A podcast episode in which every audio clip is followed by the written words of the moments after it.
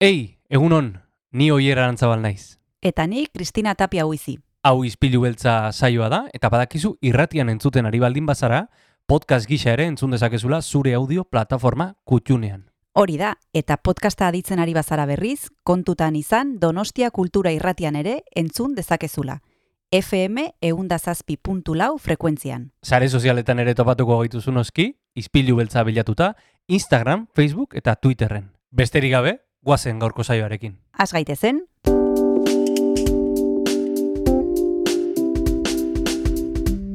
Ispilu beltza. Donostiako kulturaren berri, Oyer Arantzabal eta Kristina Tapia buizirekin. Egun honen zule, martxoak biditu osteguna da, eta bagatoz beste egun batez, hemen Donostia kultura irratira, gauza mordoarekin izpilu beltzean.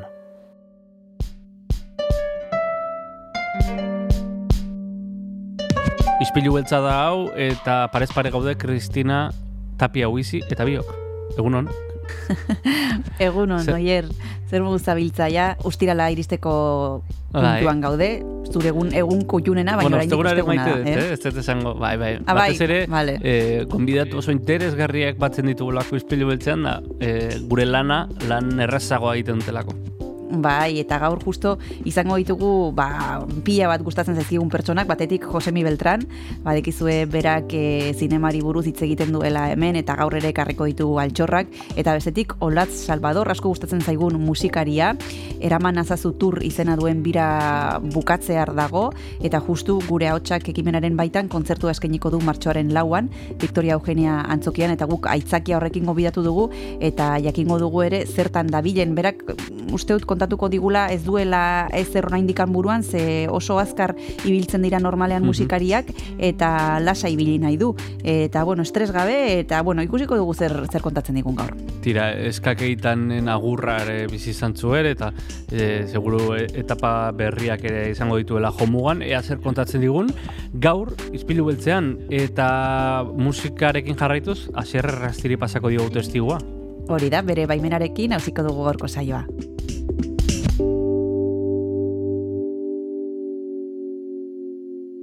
Egun honen zule, entzun duzu ez da, gaurkoan olatz Salvador izango dugula hemen ispilu beltza irratxa joan, eta hain zuzen, e, bueno, ba, olatz Salvadorrekin zer ikusi zuzen duen proiektu baten kantua ipiniko dizuet. Jakingo duzuen moduan, duela amabost egun, eskakeitan talde donostiarrak agur esan zuen, oialume dantzalekuan eskenitako azken kontzertuan, eta, bueno, ba, olatz Salvador e, bertako kide izanik ere, ba, bere proiektu bati agur esan behar izan dio urte askoren ostean. Eskaketan hitza donostiarrok behintzat entzuten dugunean, kanta bat eh, etortzen zaigu burura donostiako piratekin, aste nagusiarekin erlazioa duena. Hauxe da, mundu berri baten mapa.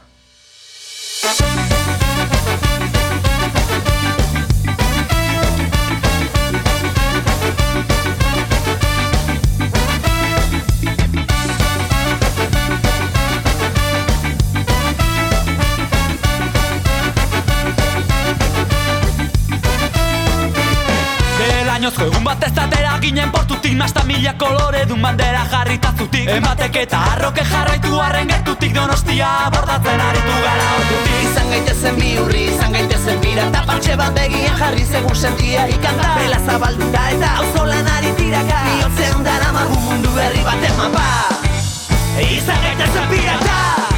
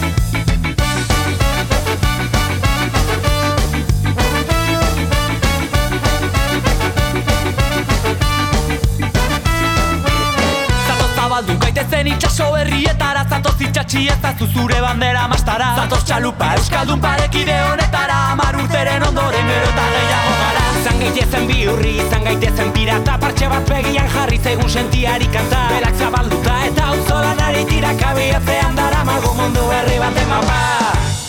Izan gaitezen pirata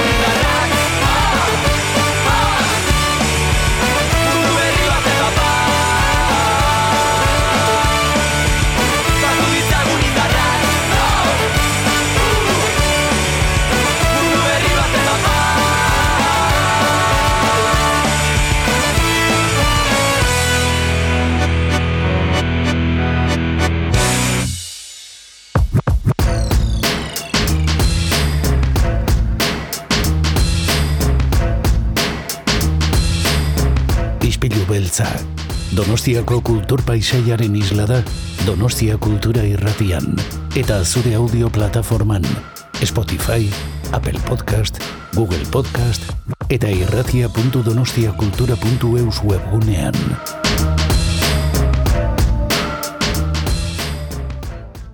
Musika e, dugu hartatz gaurko saioan, entzun dugu musika ederra, xerrerastik jarritakoa, eta saio osoan zehar, e, alaitzen digu alaitzen dizkigu tarteak esan dezagun, eta gaurko gonbidatu ere musikaria da. Musikaria da, Donostiako musikaria Olatz Salvador, izugarrizko ibilbidea egin du, naiz eta oso gaztea izan, eta, bueno, etapa bat isten ari da, eraman nazazu tur e, birarekin itxiko du etapa bat, eta beste bat hasiko du, baina oraindik ez dakigu nolakoa izango den e, beste etapa hori, hemen saiatu gara pixka bat informazio ateratzen, ea e, lortzen dugun, jarraian izango dugun e, elkarrizketan, ea zuk zer harrapatzen duzun entzule.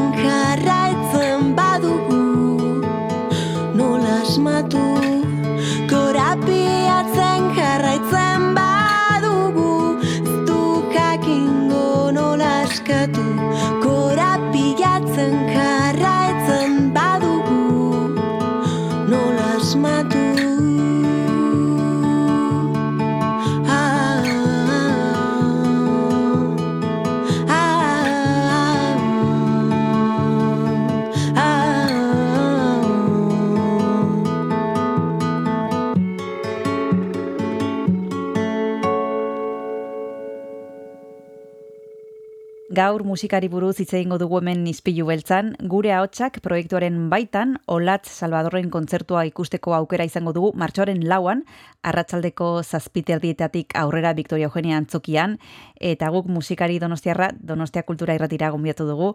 Egunon Olatz, zer modu zaude? Egunon, ba oso ondo? Bueno, oso ondo, ari gara pixkanaka pixkanaka hitz egiten gure ahotsak ekimenean parte hartuko duzuen eh, emakumeekin eta gaur zure txanda da eta jakin nahiko genuke olatz eh, asteko zer prestatu duzun eh, kontzertu hontarako. Bueno, azkenean e, itxiera bat denez eta eta gure estazioan edo edo behintzat e, nire irian denez, e, Mhm. badauka niretzako zer berezia e, behintzat e, ziklo hau izte hutsak eta eta nire irian eta nire jendearekin izte horrek, hori alde Mhm. batetik. Eta Mhm. gero, e, bueno, iragarri dugu jada konbidatuak izango direla, Mm. eta baude e, perfil oso desberdinetako pertsonak nahi izan genuen e, Rosalen ere bertan izatea eta Wow. azkenen gorduko zea batengatik ez, genuen lortu baina Mhm. baina bueno bera ere gogotsu ger- geratu zen e, hala ere luxuzko gonbidatuekin kontatuko dugu ba Mm. e, gurekin izan direnak bai e, sorkuntza prozesuan Bai. e, Alaia Martin eta Anela Baka bertsolariak Bai. izan ziren nire e, hautsari eta gelitu orkanten letragileak, eta zerbait e, berezia prestatu dugu kontzertu ontarako espreski. Mhm. Gero, e, bidean ezagututako pertsona ezberdinak egongo dira, ba, izaro abeslaria esate baterako oso Bai. laguna dudana, edo garaziz naola e, piano jolea baita ere lagun mina dudana, eta azkenean ba, polita da, e, bai, miresten duten jendearekin aritzea eta gainera ainertuko harremana izatea beraiekin. Mhm. Gero, eh, eniautel horretare bertan izango da, Mhm. azkenean, eh, ba, ni ere bere musika entzuten hasi naiz, nerabe izan naizenetik, eta, eta bueno, ba, honek buelta nola eman duen ikusteak, eh, bueno, ilusioa egiten dit, eta, Mhm.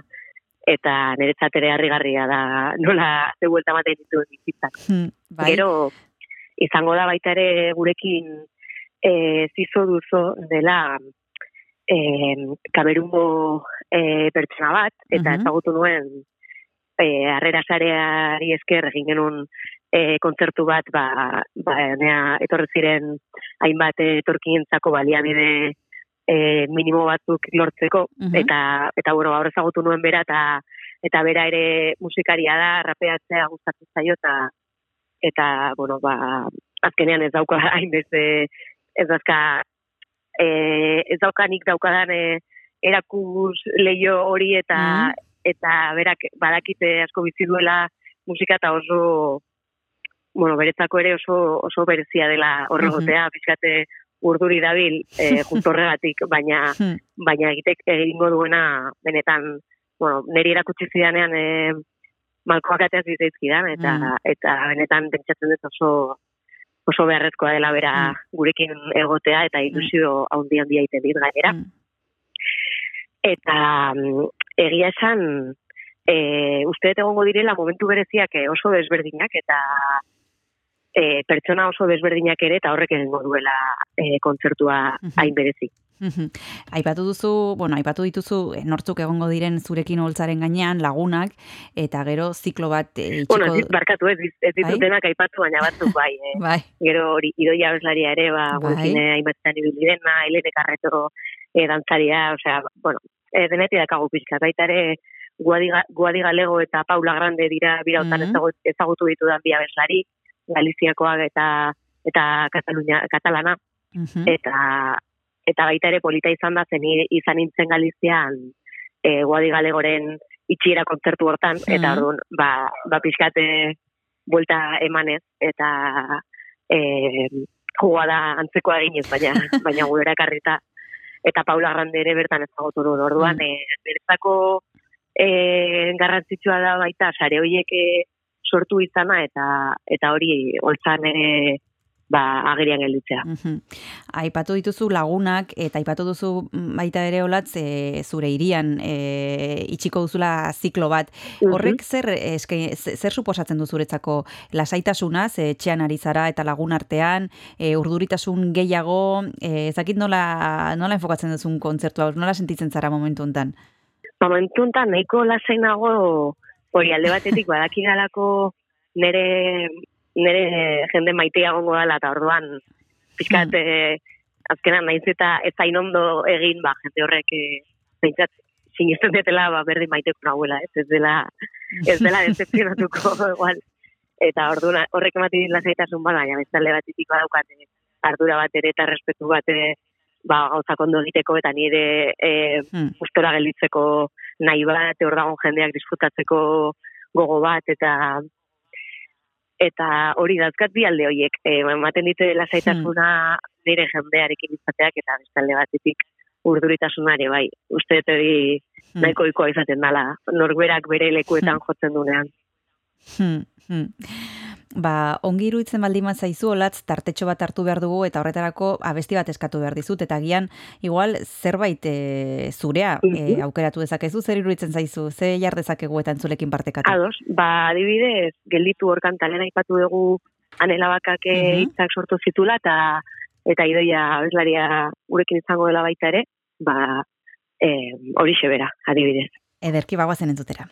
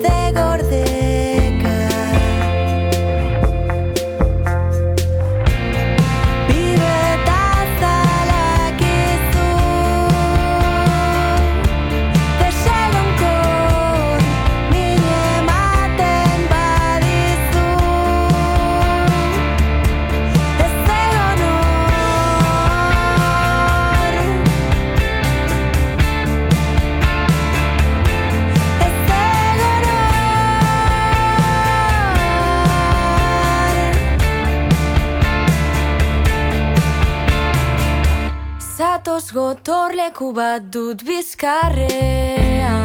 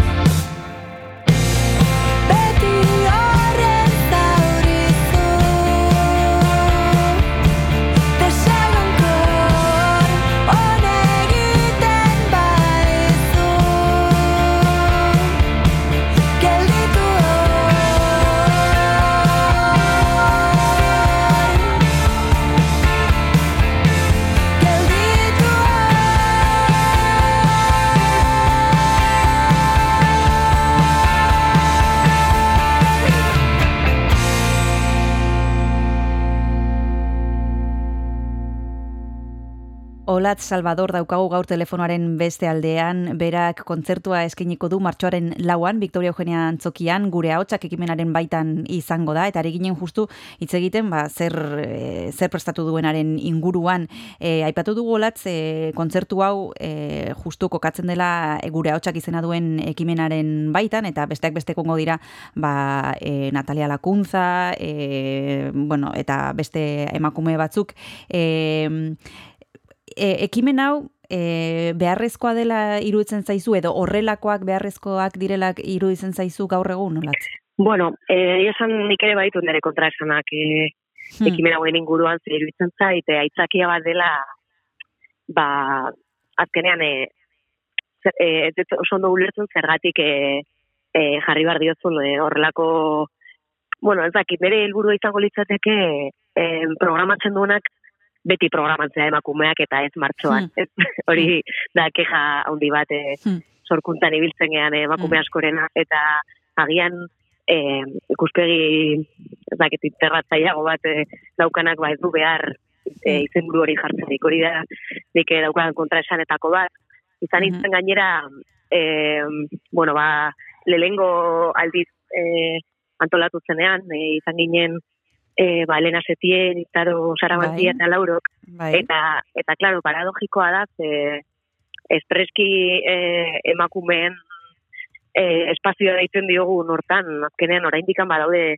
gizon gehiago naiz eta eh, espreski hau bilatu ez, hau da, Bai. nire proiektuan oraindik ba, gizonak gehiengoak gehiengoa dira ez, eta ni saiatzen naiz nire nire lantaldean eh, ba, emakumeen presentzia areagotzen eta eta alor hori zaintzen, baina oraindik ziltasun handiak dauzkat eta dut horregatik ez gerala iritsi berdintasunera eta ez gaudela oraindik ez da gertu.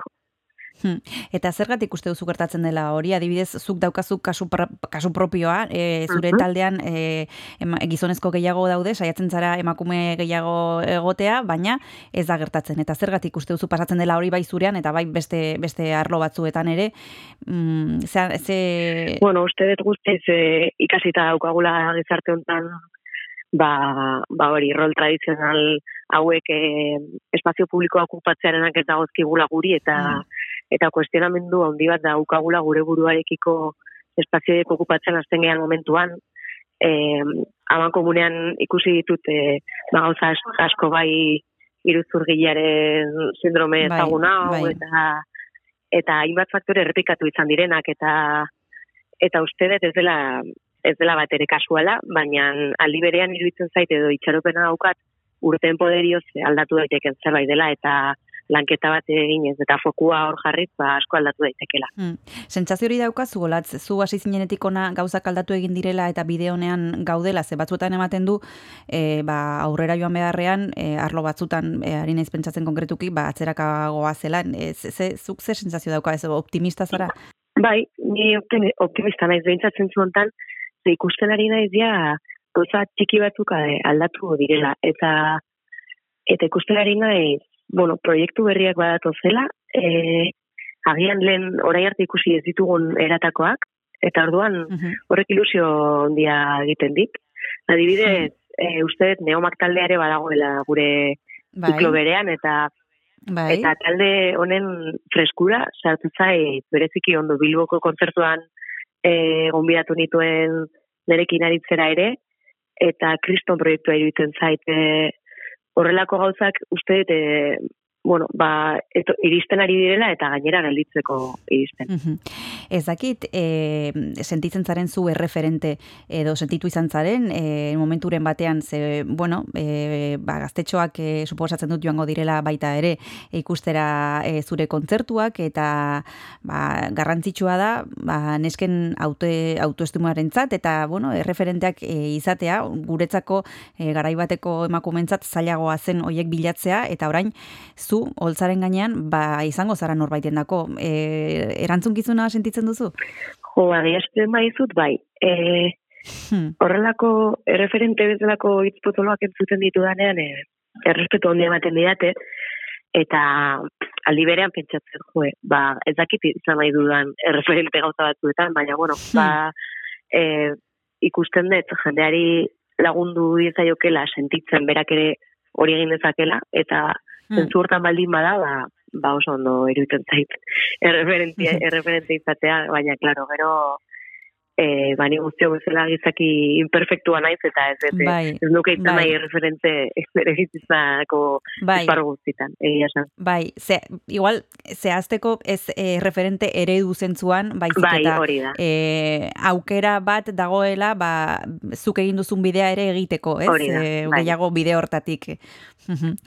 Hori da, Ba, bidea irikitzea, datozenek eukitzeko pixka, erresago, guk eukiduguna Hori baina. da, hori da. Hori da. Ba, olatz, bigarren tartetxo bat hartu behar dugu, eta horretarako beste abesti bat eskatu behar dizut. Lehen e, aukeratu dugu zure abesti bat, eta orain ezakit zure abesti bat, beste norbaitena, zer jarriko dugu? Venga, ba, ba nire abesti bat esango dizut, e, e, Venga. bestela asko kostatuko zaialako orain bapatean pentsatzea. e, adibide, zaotxari kanta. Ederki bagoazen entzutera.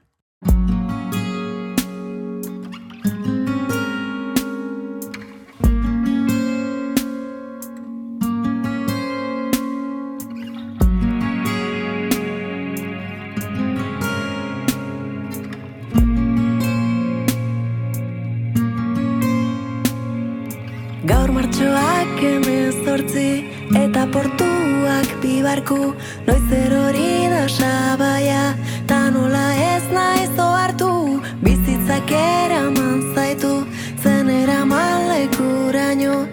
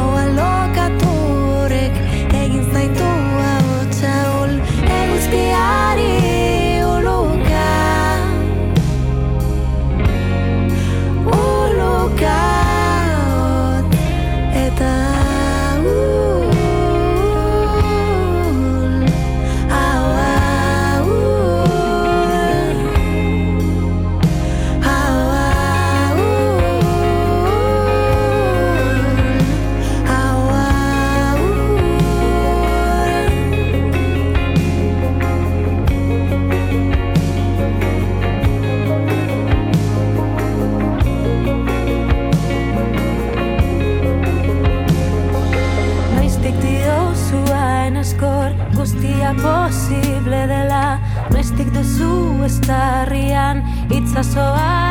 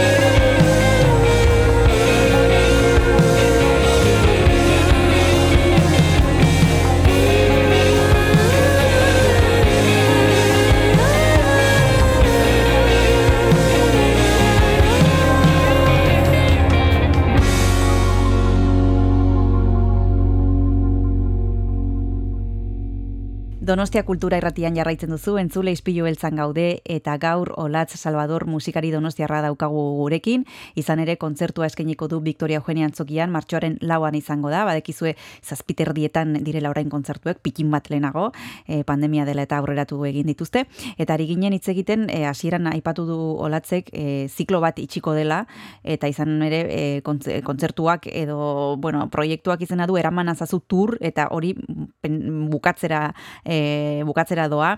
E, ze sensazio daukazu e, ziklo istura honekin?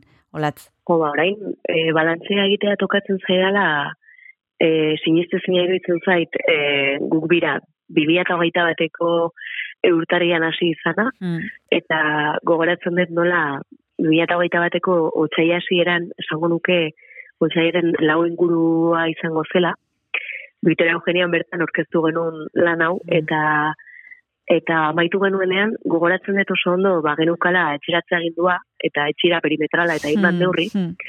eta amaitu genuenean e, euforia guzti horrekin etxera bultatu behar izan ginela eta gogoratzen dut oso ondo presentzia polizial oso handi bat Mm. eta agobio sentsazio hori ba ba sentitu ezin ginela horregon eta eta orain e, pixkat arrotza egiten zaigu baina oso gertu egon da hori gutaz eta eta bueno ba oraingoan e, espero merezi du bezala ospatu alizatea behintzat. Ez dakit eh, ze sensazio daukazun e, holtzaren gainean e, ba, jotzen dituzunean ba, aspaldi egindako kantu hoiek ez, momentu konkretu batean sortuak dira eta bapatean e, denbora pasatzen da eta berriro e, zaude beraiekin hor, nik ez dakiten ze harreman izaten duzun e, abestiekin denbora pasatzen denean. Ba azkenean niretzako ba nire bizitzako fase baten isla dira eta aldi berean ja ez nago fase berean eta orduan ba sentitzen ditut pixkat e, beste momentu bati referentzia egiten dioten kantak bezala eta bai sentitzen naizela e, iruditzen zaidan ez disko pixkat e, ez dakit nola esan baina mm, iluna edo ez, ez, ez oso e, fase ez oso errex batean e, idatitako kantak direla Hmm. esango nuke eta eta batzuk, bueno, triste xamarrak, badago ez garen gu kanta azkenean dolu bati referentzia egiten diona, Mm. eta bar, eta oain bai sentitzen dudala, ez dakit, e, leku alaiago batera joteko gogo bat, edo olako Mhm. zerbait bai, baina liberean badakit, badagola jendea, nire kantak orain iritsi zaizkiona, Mm. edo orain zarkatu dutena, eta eta pertsona horientzako, ba igual momentu hori orain dela, ez orduan hori Mm. Eh, da kantuen magia? Mm. pertsona bakoitzak daukala kantu bat, bat eh, eh, bizitzeko momentu zehaz bat, orduan, ba bueno, naiz eta ni horrez egon zorionez orain, ba, sinisten dut, eta gainera transmititu nahi dut, eh, ba, hortik pasa bar dela, eta hortikan Mm. ere ateatzen gehala, eta asko ikasten dela, Mm. hortik ere. Eta zintzilik eta ahoal eta gero, esan duzu oraintxe bertan, leku alaiago batera joateko gogoa daukazula, e, horren Mhm. arira, ezakit zerbait aurreratu dezakegun, zertan ari zaren, e, mm, e, noiz entzungo dugun zerbait berria. Bueno, alde batetik eh, bota nahi nuke mezu bat eh, gure garai eh, frenetiko hauetan Mhm. iruditzen zait eh, exigitzen zaigula artistui eman ezakeguna baino gehiago honi. Mhm, Eh, iaia egun kontzertu eman ditut bira hontan eta mhm, eta baita ere ibili naiz eh, institutoetan hiru programa desberdinetan lanean, eh, lau, osea, lau, eh, bi, progra, bi irrati programatan ere ibili naiz eta eta benetan ez duki ezertarako tarterik, Mhm. ibili naiz Finlandian, eh, Italian, Japonian, eh, Espainia mailan ere bai, eta eta aldi berean eskatzen zait, eh, ja bihar disko berri bat eukitza, ez? Mhm. Eh, hau esaten dut, ze jende asko galdetu dit.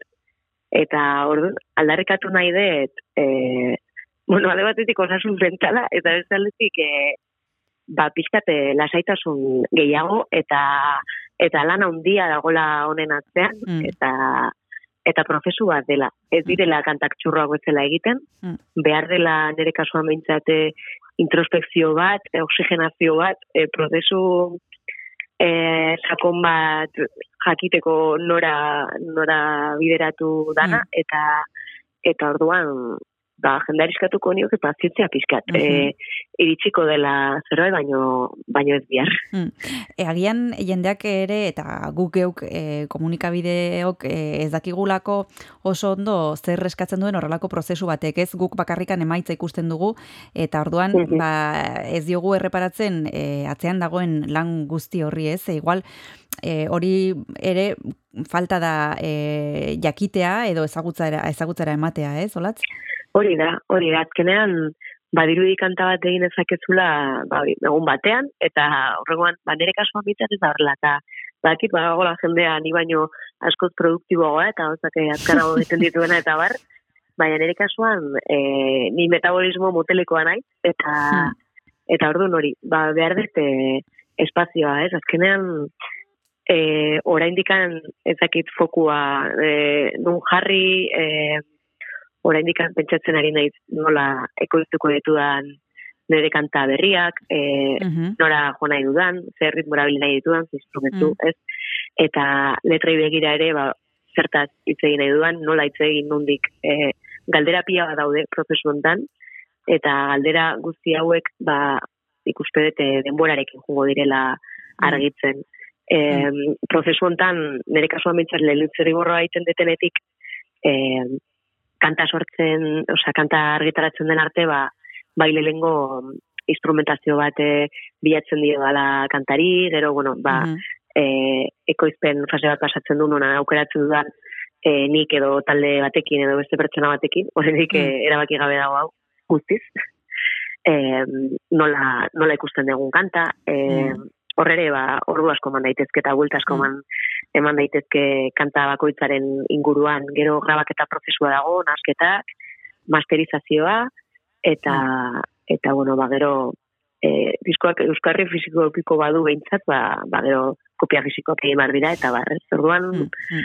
ba, bueno, orain dikan, e, galdera asko dauzkat airean, eta eta hori, ba, denbora beharko detela, detela horre ikusten dut. Eta beste galdera bat, eta ja azken aulatz oporrak hartuko dituzu? Edo tarte bat izango duzu pixka bat deskantzatzeko eta deskonektatzeko? Ba, galdera ona, eske esango ditut, eh, autonomoa naizela, eta autonomoen bizitza ez da inerresa e, Ez, esparru ez hortan. Ez E, nik ez daukat soldatarik ziurtatuta, hau importantea iruditzen zaiti, hilabetero soldatari gabe hasten naiz eta minus handi batekin, Mm. e, ba hori, e, minus bosteun batekin ensaio lokala asesoria eta autonomo kuotarekin, hau da, Bai. ja lokairua kontatu gabe eta bar. Bai. Ni hortik hasten naiz eta eta orduan nik nire lana bilatu egin behar dut eta Mm. eta hor asko kostatzen da oporrak hartzea, badakizunen ez daukazula ezer Mm. bermatuta eta Mm. eta oso oso komplikatua da sentitzea denbora eta dirua galtze horren sentsazio hori naiz eta badaki dan oporrak eh, ondo merezita eukitzak dela. Hmm.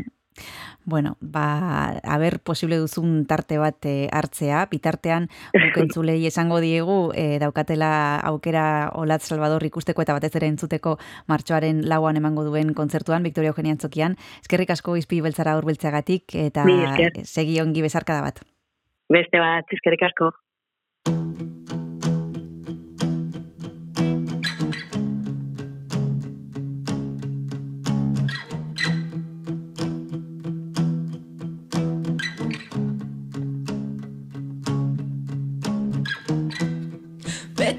Betiekin bihurri Kilima bilasi Ta kontraesanak aurkitu Elkarren kontratzanak Bigorputza auritu Morroka norroka ezin gelditu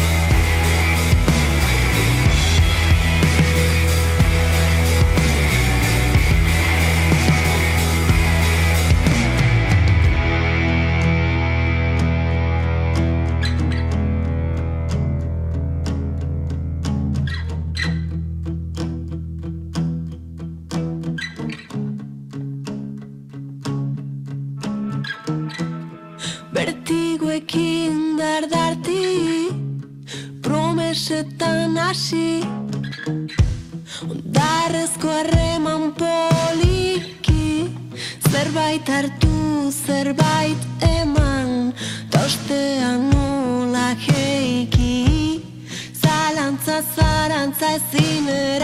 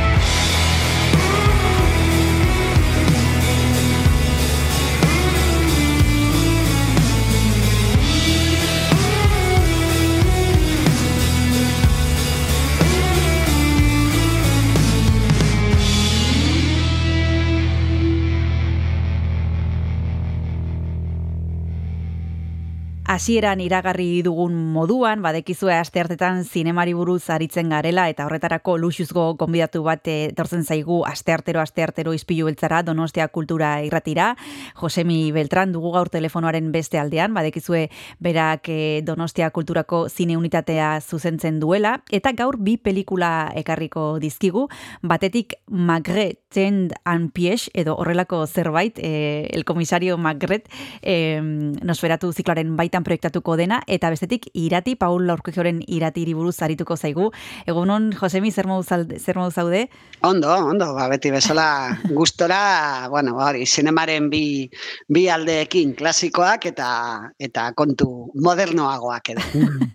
Hori da, klasikoen atalean, eta hortik hasiko gara, e, frantsesez e, dagoen, bueno, frantsesez den e, pelikula honen inguruan arituko gara, mila bederatzireun da berrogeita mazortzigarren urtean zuzendutakoa, Jan Delanoik, badekizuen osferatuk, e, bueno, orain e, polar e, zinema frantsesaren inguruan e, pelikula batzuk e, aukeratu dituztela, hoietako bat da Magre ten an pies, eh, Josemi, oso Bai. ondo esan dut. Javian. Eta e, gustatuko litzaidake hasteko, e, bueno, pixka bat e, sinopsia errepasatzea, Josemi, zer kontatzen du zuzendariak pelikula honetan? Bai, bueno, ba, bigarren aldiz, e, ziklo honetan topatuko dugu pertsonai ospetsu hau, e, megre Mhm. komisarioa, e, bueno, George, e, George Simenonen e, ba, eleberrietan, e, eleberrietatik ateratako ba, komisario eta polizia ospetsua, ja ikusi genuen aurrekoan e, beste emanaldi batean, zikloaren beste emanaldi batean, Latet Danom zen horrela, Bai. zen e, filma, E, kaso horretan, bai, bueno, garantzitsua zen pertsonaia, baina agian, e, bueno, ospe handiagoa hartu zuen, e, badatoren astean ikusiko dugun e, film, film honekin. mm, E, bueno, e, eleberri, jatorrizko eleberrian, e, bueno, megrek komisarioak, ba, emakumen hiltzaile arriskutsu bati aurre, aurre egin beharko dio, mm, eta handik dator, e, bueno, ba, izenburu hau, e, trampa bat jarriko duela, e, hiltzaileari jarriko diola, eta batez ere da, bueno, ba, e, irudikatzea ba, komisario honen e, metodoak, eh? E, bueno, Josi Menonen eleberrietan eta ipuinetan, ba, bueno, e, asko eta asko agertu zen, e, mila, mila egoita maiketatik, ia irurogeita marreko amarkadare arte, ba, Josi Menon, osea, Megret barkatu, ba, da oso ospetsua, ia, ia, Bai. Sherlock Holmes baino ospetsuagoa, eh, eh, Mm. baina mundu mailan eta eta dudarik gabe eh, Frantzian da de, de, detektibe, bueno, ba, eh, famatuena esan dezakegu. Mhm.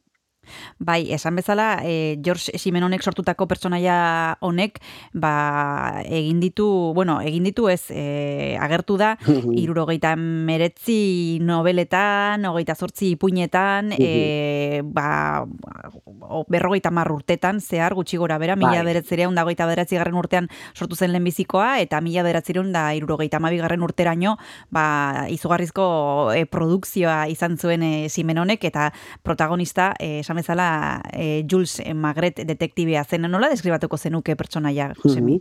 Bueno, ba, e, megrezen, e, edo a- horrela gertzen zen eleberrietan, ba, gizon, e, bueno, ba, sendoa, lodia, ardozalea, pipa erretzailea, beti ba, ba, bere zenari jarraitzen, jarraitzen diona, eta beti saiatzen da ba, ulertzen e, susmagarrien nortasuna. mm, E, duela gutxi ikusi dugu Netflixen, ba, hori, Daniel Craig antxestutako e, detektibe hori Hmm. puñales por la espalda edo Glass Onion bezalako filmetan, e, frantsesa zen, eh? Fran, frantziakoa, eta dudarik gabe nire ustez, e, bueno, ba, megre dago, e, bueno, ba, detektibe horren atxean e, inspirazio, inspirazio bezala, mm? e, dudarik gabe.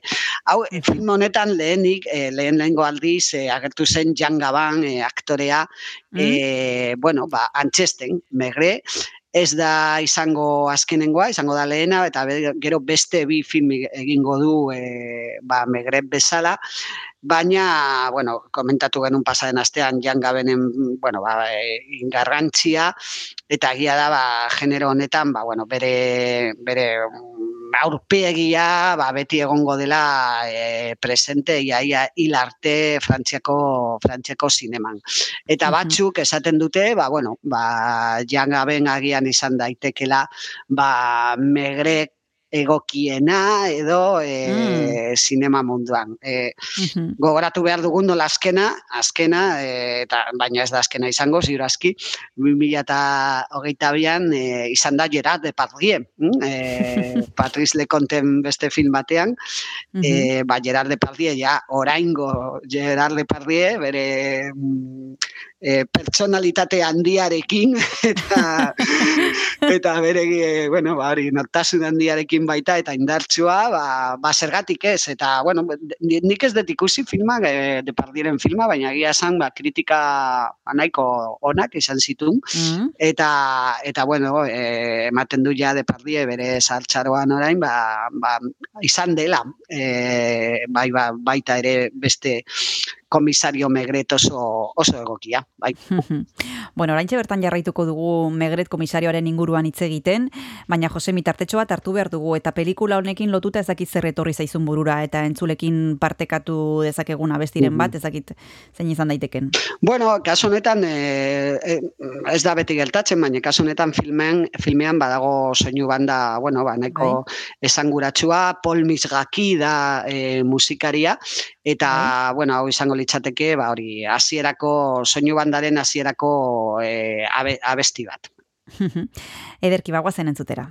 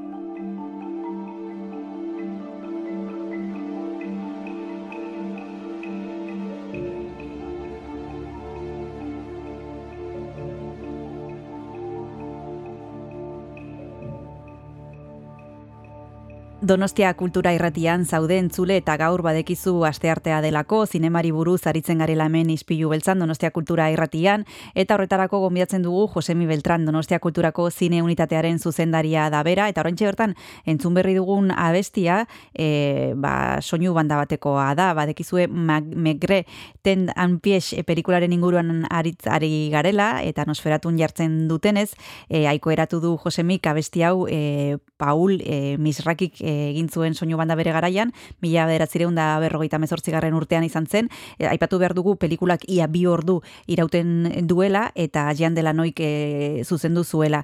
Josemi, zuri zer gustatzen zaizu gehien e, pelikula hontan, zer azpimarratuko zenuke? Mhm. Bueno, batez ere komentatu duguna, no? Jan Gabenen, e, bueno, ba, Jan Gabenen, e, ba, hori, interpretazioa edo, Mhm, eh? eta, eta bere, bere irudia komisario bezala, eh, pasaren astean ikusi genuen Tusepa o Grisbi filma, eta Mhm. hor- horretan Jan Gaben gangster e, zahar bat zen, eta, e, bueno, oso arrakastatxua izan zen, iaia bakarrik e, lau urte lehenago, e, filmanen baino lau urte lehenago bakarrik, eta kasu honetan e, ba, publika, publikoa liluratu zuen gabinek orain komisario batekin, edo komisario, bueno, garrantzitsuenarekin. Mm. Orduan, ba, bueno, gangster batetik komisario batera, edo beste aldera pasatu zen, e, ba, hori, krimenaren e, ba, ba, bi aldeak, edo, e, Hmm. e, pasiatu zuen e, jangabenek, eta eta hori da historiarako gelditu dena. Egia esan gero Jan Delanoa zuzendaria berez ez da izan hain, hain ospetsua edo hain garrantzitsua, bakarrik, bueno, ba, artisaua edo zen, e, bueno, ibibildu, ibibilde, ibibilde, ibilbide luzea barkatu izan zuen, Bai. Delanoak, e, ba, beste megreteko beste serie, seriaren beste, bueno, ba, kapitulu edo beste film bat zuzen duzun, baina horretaz aparte, ba, bez, mota askotako filmak, eh, musikalak, komediak, eh, melodramak, eh, denetik, ezta? Eh, industria, industria barruan eh, zegoen jende- jan delanoa, eta, eta bueno, film, bueno, komertziala da, entretenigarria, e, Hmm. eta, eta batez ere, ba, hori, e, aktoren e, indargarekin.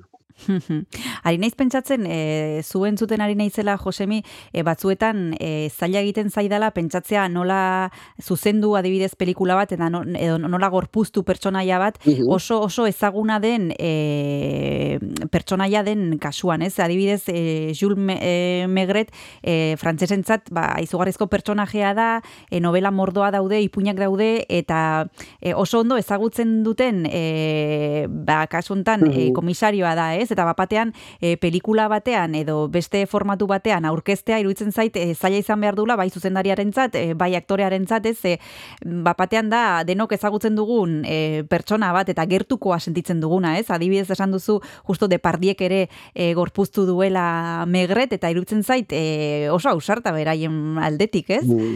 Bai, nire ustez hau bezalako pertsonai e, ikonikoak antzesteko iaia aktoreek ere izan behar dutela ikonikoak bere, Alde, bere aldetik.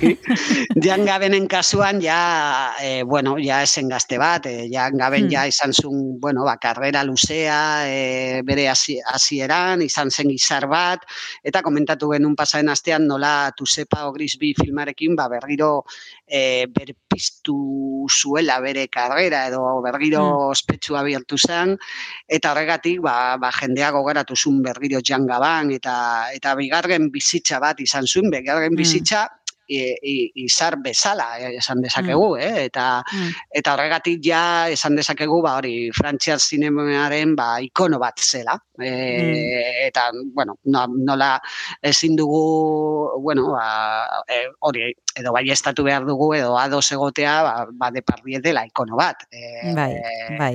eta urteetan zehar horrela bihurtu da, agian e, Alan Delon edo horrelakoak bezala, ba, bueno, izar izar e, kutsu edo ezaugarri hori dituzten e, aktore batzuk. Hau gertu da, Bai. gertatu daiteke, bastakit, Sherlock Holmesekin edo Hori da. edo Superman edo bezalako Hori da, da. bezalako eh ba bai pertsonai pertsonai Hmm. ikonikoekin baita. Mhm. Bueno, ba, ikonoak alde batera utziko ditugu, eta orain, bueno, nik ezakit ikonoa izango den, e, urrengo e, pelikulako zuzendaria, e, oso ondo ezagutzen dugu Paul Urkijo, eta zorionez beste proiektu bat e, erakusteko momentua iritsi da, bueno, batzuk Mhm. ikusteko aukera izan duzue, baino iratiri buruz hitz egin baino lehen, Josemi bigarren tartetxo bat hartu behar dugu, eta bigarren abesti bat eskatu behar dizut, ze orain bertan itzuliko gara Donostia Kultura irratian e, Paul Urkijoren iratiren inguruan aritzeko, baina abestitxo bat e, aukeratu behar du lehenbiziko Josemik. Mhm. Bueno, ba, ba bueno, iratiren irati filmaren abestia entzungo deu, e, goia, goia sarietan egon zen, hautatua, eta, Mhm. bueno, ba, e, izena duen guztia, mari den abestia da, eta e, Arantzazu Calleja, Mursego, eta Mhm. Paul Urquijo bera dira, ba, bueno, ko, e, musikariak edo, edo komposatu dutenak, bai. Mhm. Ederki bagoazen entzutera. Lorea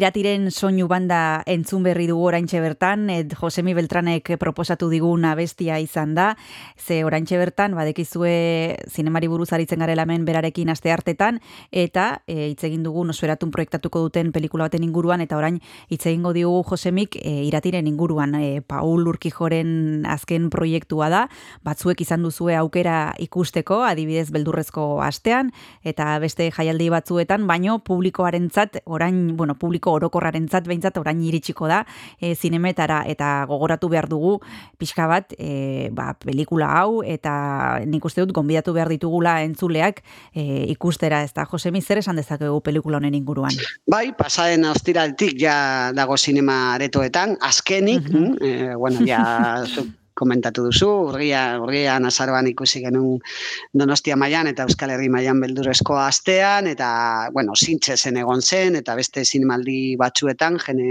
fantasiasko beste zinemaldi batzuetan, baina urki joren, ba, bigarren fil luzea, ba, bueno, benetan uste dut merezi duela, ba, pantai handian ikustea, hori argi eta garbi, eta, bueno, bargazoi desente daude ikusteko nire ustez, eh? alde batetik.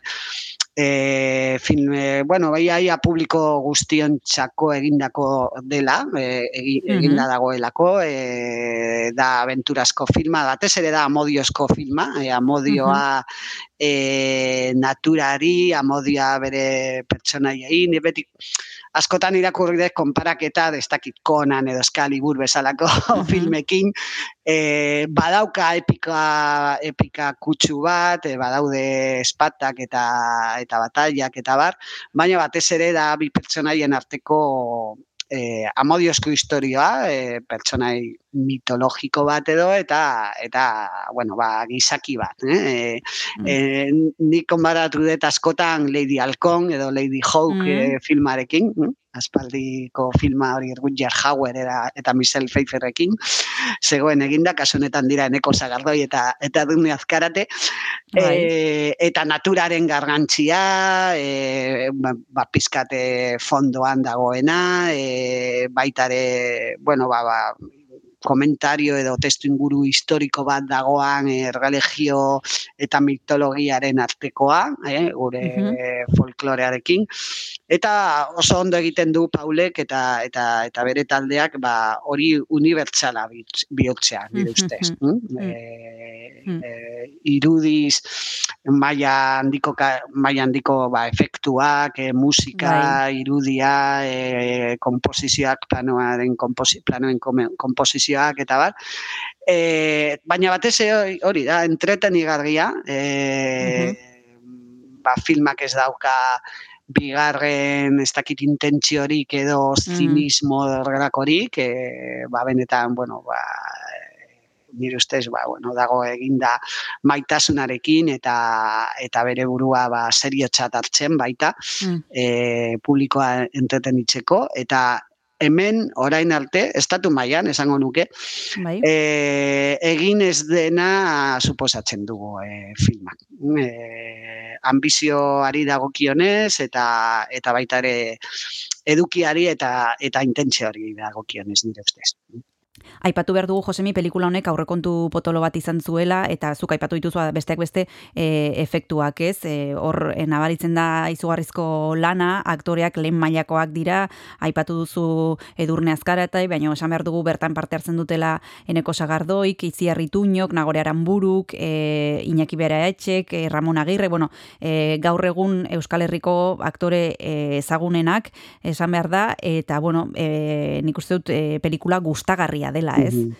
Bai, gainera, e, ja e, errementari filmean Paulek, e, bueno, ba, demostratu zun edo nola e, bueno, ba, nola atera ba, bueno, etekina aurrekontu txiki hmm, bati, bai. Kasu honetan bai. gehiago dauka, e, eta, bueno, ba, aurrekontu desente da, estatu mailako keuspenen txat, baina bai. berak beti esan du, hau bezalako film bat egiteko, ez dakit, estatu batuetan, edo, bai. edo besti herri batean, bai, ba, bai. gian, iru, iru aldiz, edo lau aldiz Noski. izango litzatekela aurrekontu, aurrekontu hori, eh? E, ba, ondo eta luzu egiteko, baina baina nire ustez e, ba, bueno, aurrera pausu bat da, errementari filmarekin konparatuta eta eta bueno, e, Paulek demostratzen du nola nola den gai e, gauza handiagoak egiteko.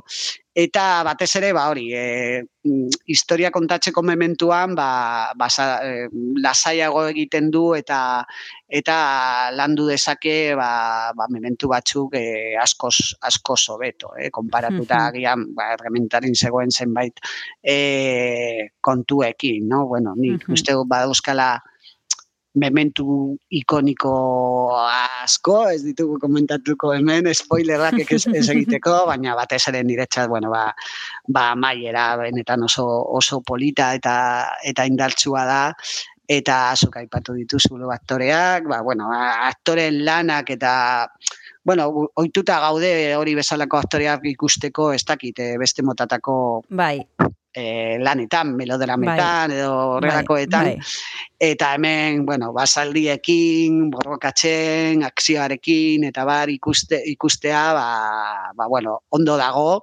eta, bai. eta niretzat, ba, hori azaltzen du, bueno, nola nola den posible eta uh, bueno, norbaitek nahi badu eta eta insistitzen badu asko eta koherentea bada Paul bezala bere bere lana eta bere ideiarekin hemen horrelakoak egitea posible dela eta zuk aipatu duzu ikono ikono ez dakit baina ziur nago eta inspirazioa esango dela askorentzat. Bai, e, bai. bueno, ba gure folklore, gure historioekin, gure pertsonai mitologikoekin, zergatik ez, kontatzeko hori, beldurezko historiak, fantasiazko historiak, e, bueno, ba, beste herrialde askotan egiten egiten duten bai, bezala. Bai, Aipatu duzu beldurrezko historiak, fantasiazko historiak eta esan duzu baita ere Josemi besitzezen egontzela, hemen Donostian beldurrezko mm. astean ere bai, e, publiko horrentzako egina dago pelikula edo publiko zabala bati, zabal bati e, heldu alda pelikula hau. E, donorentzat da? Bai, bai, irabazizun gainera, e, publikoaren saria irabazi du, donostian. Horregatik, bai, bai. Malagan, eta e, Kanaria uartetan baita, Isla Kalaberan uh -huh. festivalean, osea que bi edo lau ergialde oso desberdinetan altu du ba, bai. hori publikoaren ba, bueno, gustua edo, eta bai. eta nire ustek ba horrek esain nahi du ba, ba nahiko popularra izan daitekela ez da femuturezko film bat ez da Badauka bere gordintasuna eta bere violentzia puntua, baina, baina bueno, edo zein telesairetan ikusi dezakeguna, ez da, ez da gehiago. E, eta niretzat, ba, bai, e, e, ez umentza jakina, baina agian bai hmm. nerabe bat entzat eta handik aborrera, ba oso, bueno, polita esan daiteke e, ikusteko, eh, nire, nire hmm. ustez. Eta erakargarria, atsegina, e, bueno, kultura, hemengo bertako kultura ezagutzen baduzu, ba, agian askoz gehiago ostatuko duzu, baina bestaldetik, ikusi dugun bezala, ba, kanpoko jendearen txatere izan daiteke, ba, hori, topaketa bat, hm? deskubri etxea, ba, gure, gure mari, gure tartaloak, gure kobasuloak, e, eta, bueno, hori, e, kanpoan ez da ikusi edo kanpoan ez da ezagutu inoiz mm. e, film batean eta eta Paulek lotu du hori hori zabaltzea. Mm. Bueno, ba, bi gomendio hauekin uzten ditugu entzuleak, batetik e, Paul Urkijoren irati, ja zinemetan ikusteko aukera duguna, eta bestetik nosferatu jarriko duten Megre tendan pies, e, Jan de la Noiren pelikula. Eskerrik asko, Josemi Beltran beti bezala urbiltzeagatik txintxo-txintxo izpilu elzara, eta hurrengor arte. Abai, datorren asterarte. Agur. Agur.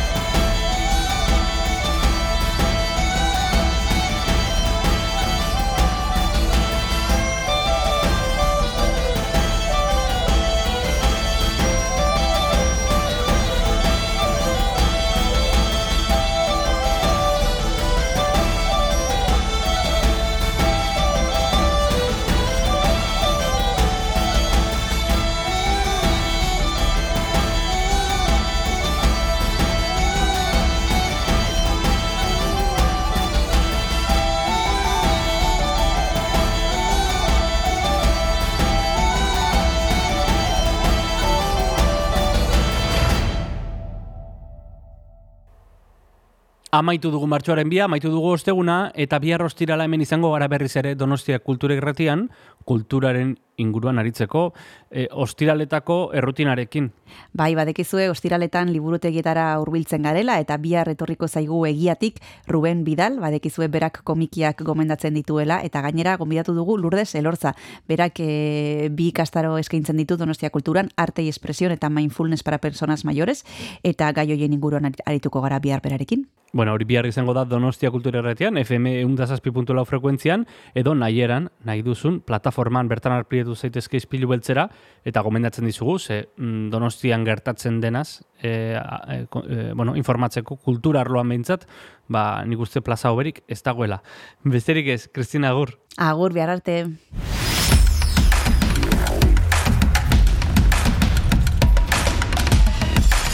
Donostia Kultura Irratia. Zabaldu gurekin Donostialdeko kulturaren leioa.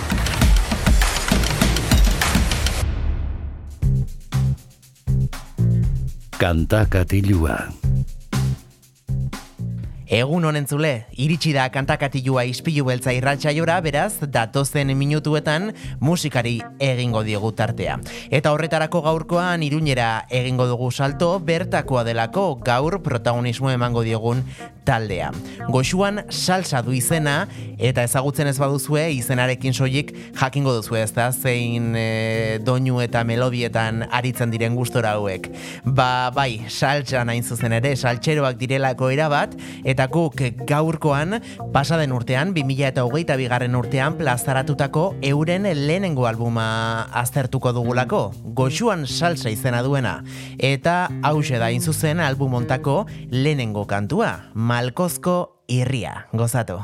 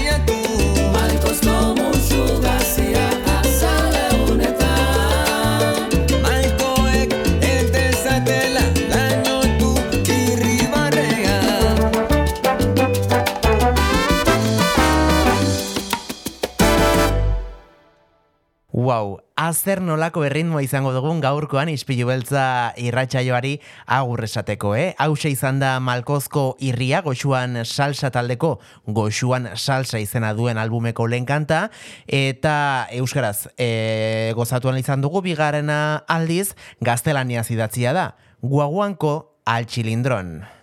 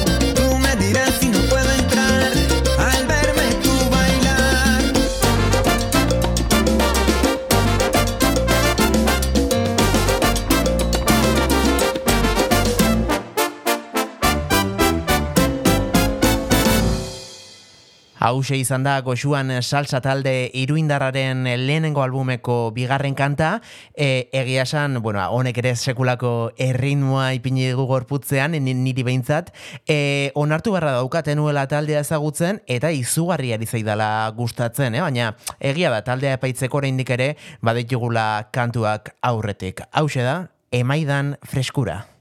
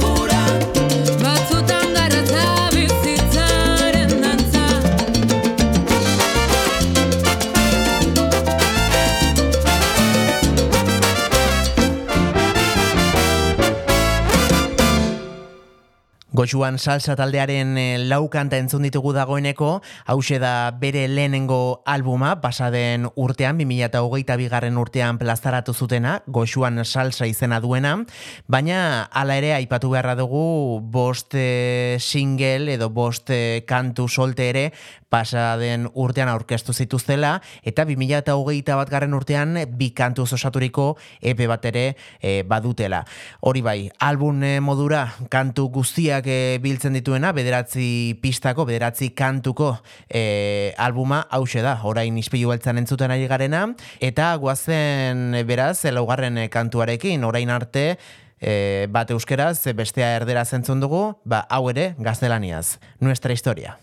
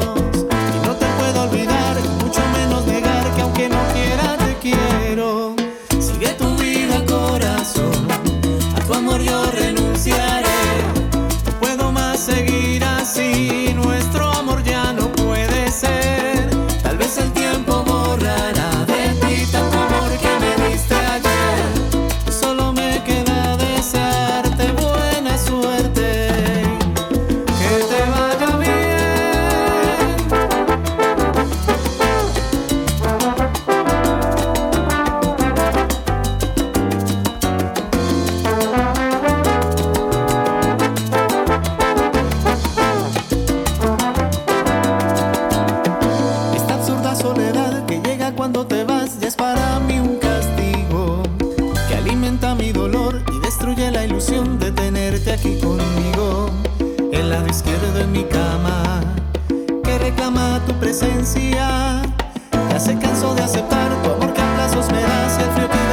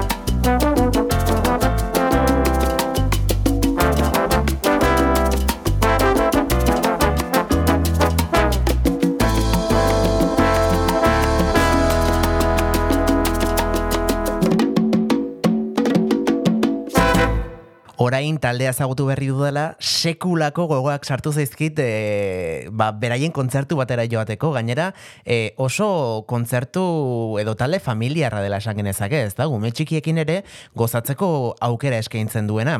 Peintzat orain arte entzun ditugun kantuak, e, lau kantu entzun ditugu, e, bosgarrenarekin goaz, bueltatzen.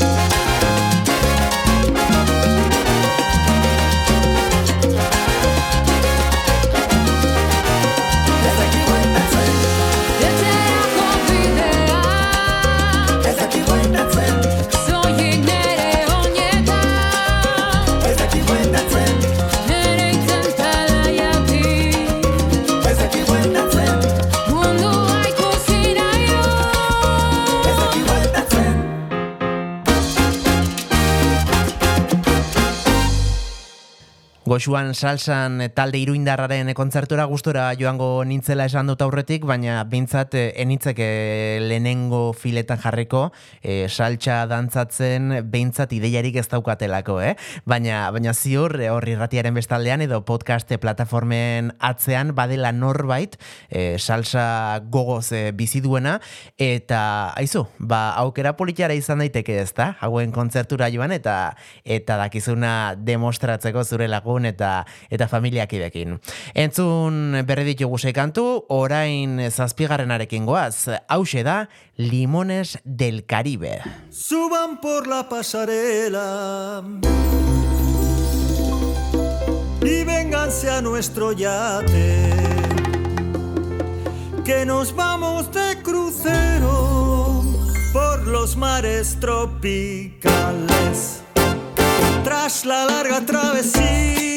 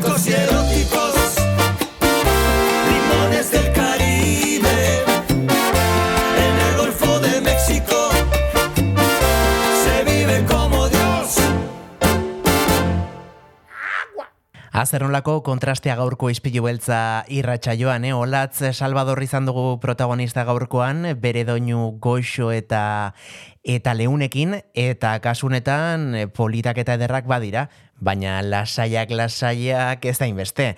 Guazen urrengoaz ere gozatzera, lorak eskaintzen.